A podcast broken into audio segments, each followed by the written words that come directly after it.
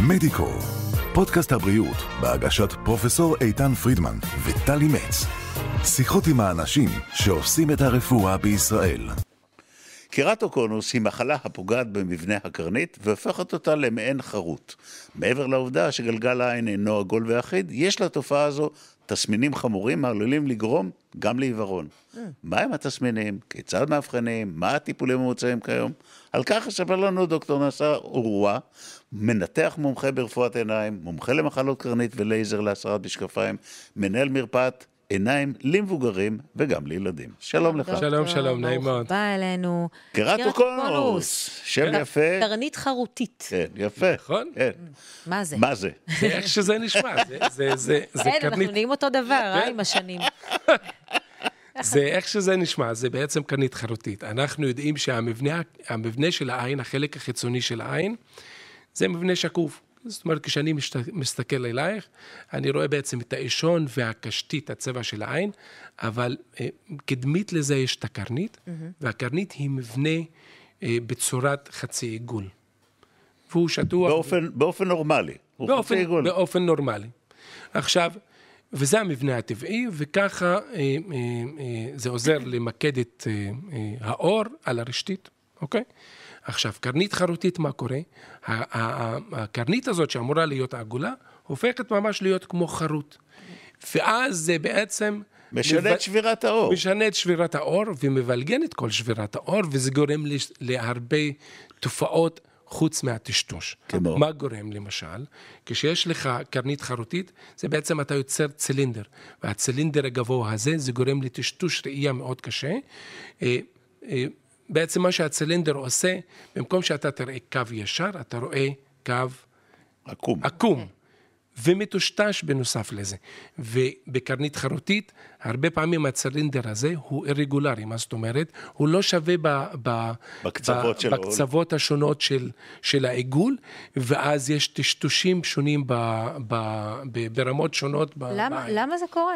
מה מביא אותה להיות... אז- מה- מה לה ולחרוט? אז מה, אז מה שקורה בעצם, הקרנית שלנו בנויה מסיבים של קולגן, אה, אה, והם סיבים שקופים, ויש להם חוזק מסוים. מה שקורה עם המחלה הזאת, הסיבים האלו נחלשים, וכתוצאה מהחלשות הסיבים האלו, הקרנית מתחילה לבלוט קדימה. וברגע שהיא מתחילה לבלוט קדימה, היא יוצרת את הצורת זה כמו חרוט הזאת. כדור שלג כזה, שמחזק את עצמו. יותר חלשים, יותר נוצר חרוט, ויותר חלשים בדיוק, וכך. בדיוק, בדיוק. זאת אומרת, זה לא דבר מולד, זה מתבטא לא בגיל הילדות, לא בינקות, אלא יותר מבוגר. זה לא מתבטא בגיל הינקות, לא בילדות הצעירה, אבל זה יכול להתבטא, להתבטא בילדות אה, מבוגרת יותר. גיל אה, שמונה, תשע, עשר, ואנחנו דווקא רואים את זה פה בארץ, כי המחלה הזאת שכיחה. בגלל אנחנו- מסכים יותר או מה? לא. לא, לא, לא קשור אה, בעיקר, לא קשור אה, דווקא למסכים, זאת מחלה שאנחנו לא יודעים, לא יודעים בעצם הסיבה, מה הסיבה שלה? העיקרית שלה, אבל אנחנו חושבים בטוח שהמחלה הזאת... גנטיקה. בטוח. די, אני- די, לא אני- הכל זה גנטיקה, הכל. פרופסור. זה תלוי, לא האמת הוא שבדקנו- לוקח את זה לעולם שלו. יש גנים שכן קשורים למחלה הנה, הזאת, אבל. הם, אבל הם מאוד נדירים. אה, אנחנו חושבים שזה יותר אזורי, והם גורמים אה, אה, סביבתיים, כי אנחנו יודעים שהמחלה הזאת היא שכיחה באזור אה, מדינות המזרח התיכון, וואו. בטורקיה, במצרים. זה גם עניין של ב- מוצא, משהו שקשור למוצאנו. כן. זה, זה יכול להיות, יכול להיות, יכול להיות גם קשור למוצא, גם גם- לים, גם כן. לזה.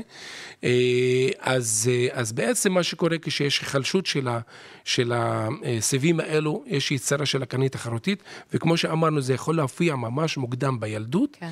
ברוב המקרים אנחנו מאבחנים את המחלה הזאת. מה כי- התלונה-. של האדם? אה, התלונות של אדם, קודם כל טשטוש ראייה, הם מתחילים... שהולך ומתפתח. שהולך ומתפתח, זה דבר אחד. דבר שני, המספרים הולכים וגדלים. זאת אומרת, מישהו שהיה עם מינוס, קוצר הראייה. בדיוק, קוצר ראייה, שעולה, שהיה למשל מינוס שתיים, אחרי חצי שנה מינוס שלוש, אחרי ש... זה התקדמות לא טבעית. כן. אז התקדמות לא טבעית של המספרים האלו, סנוור קשה בלילה, ראיית הילות, אה, אה, טשטוש מאוד קשה, דמעת לפעמים, הרבה פעמים המטופלים האלו יש להם גם מחלות שהן קשורות אליהם, למשל כמו אסתמה או, נכון. אה, או אסתמה של האור, הם משפשפים הרבה בעיניים, זה גם מחמיר את, ה, את המחלה. אני מניחה שברמת האבחון קל לך מאוד לדעת מתי המקרה הזה בא לידי ביטוי. בדיוק, אנש. אנשים... ב- רואים את זה. בדיוק, אנשים באים עם תלונות טיפוסיות של טשטוש- ראייה, סנוור, רעילות ודברים כאלו, ואז כשאתה בודק אותם, אתה רואה שיש סוג של הידקקות בקרנית, אנחנו עושים להם מיפוי, המיפוי הזה נקרא מיפוי טופוגרפיה, היום יש גם מיפוי שהוא יותר מתקדם, שנקרא טומ- טומוגרפיה, שמודד גם את הקרנית הקדמית וגם את הקרנית האחורית, ואז זה נותן לנו מידע יותר על מבנה הקרנית. עד ואז עד כמה הדבר הזה שכיח בכלל באוכלוסייה? זה שכיח, זה שכיח בארץ פה. שלנו, זה כן. שכיח. אנחנו מדברים על 2-3 אחוז זה המון, מהאוכלוסייה. זה המון. זה האוכלוסייה, כמובן זה בדרגות. שונות. איך, איך תטפל בזה? מה עושים? אז, אז זה תלוי. אוקיי, עכשיו, אם זה בדרגה מאוד בינונית, אנחנו בדרך, אה, מאוד קלה, אנחנו בדרך כלל עוקבים. אנחנו עוקבים כל חצי שנה, כל כמה חודשים, אה, ואם אין התקדמות, אנחנו ממשיכים לעקוב, כי אנחנו רואים שהרבה אנשים...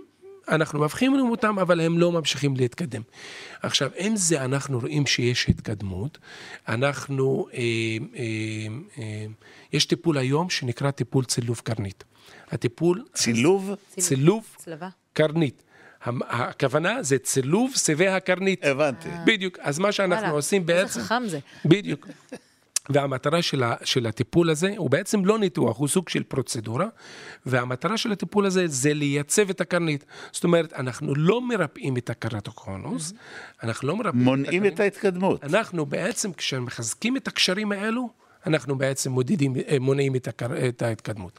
עכשיו, איך מטפלים בירידה בראייה במטופלים כאלו? יש כמה אה, מקומות. אם המקרה הוא קל, אפשר לעשות את זה עם משקפיים או עדשות מגע.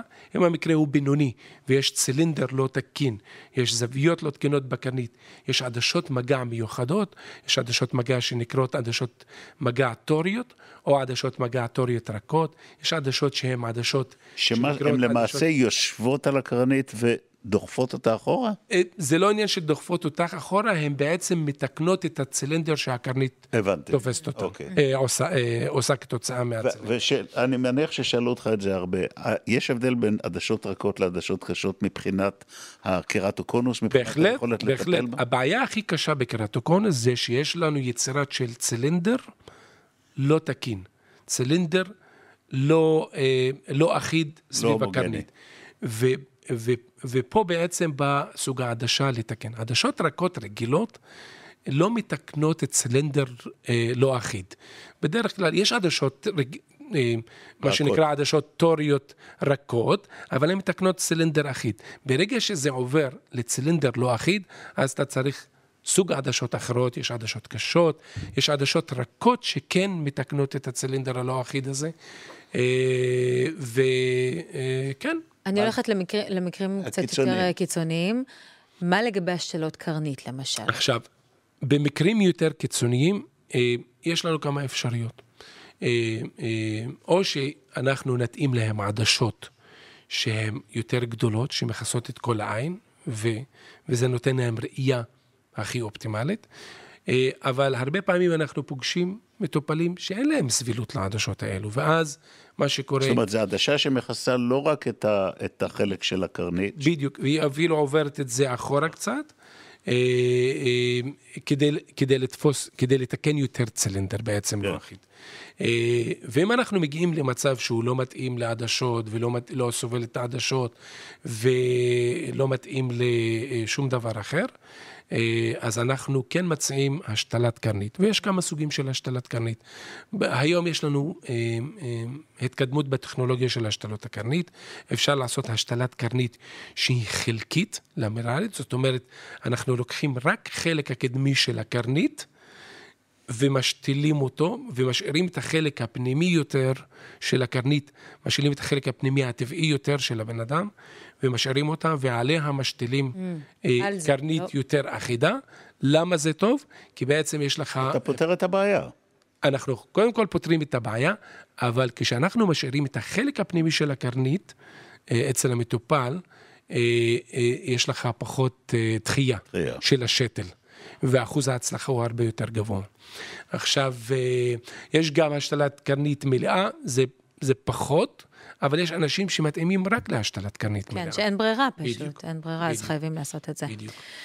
טוב, אוקיי. יש פתרונות, זה מה שחשוב לא, בשורה התחתונה. יש אומרת, פתרונות לא טובים. צריכים יש לסבול, אפשר, ל- אפשר לט... כן. לאבחן בקלות, אפשר בדיוק. לטפל יחסית בקלות, בדיוק. גם אם, במקרים וברוב הקלאסיים המקרים, זה אפילו לא ניתוח, גם, בדיוק. גם. גם במקרים הקשים יש מקרים שאנחנו יכולים להשתיל התשה תוך עינית כדי לתקן את רוב הצילינדר ולתקן את, ה, את הקוצר ראייה בלי להשתיל קרנית. מדהים.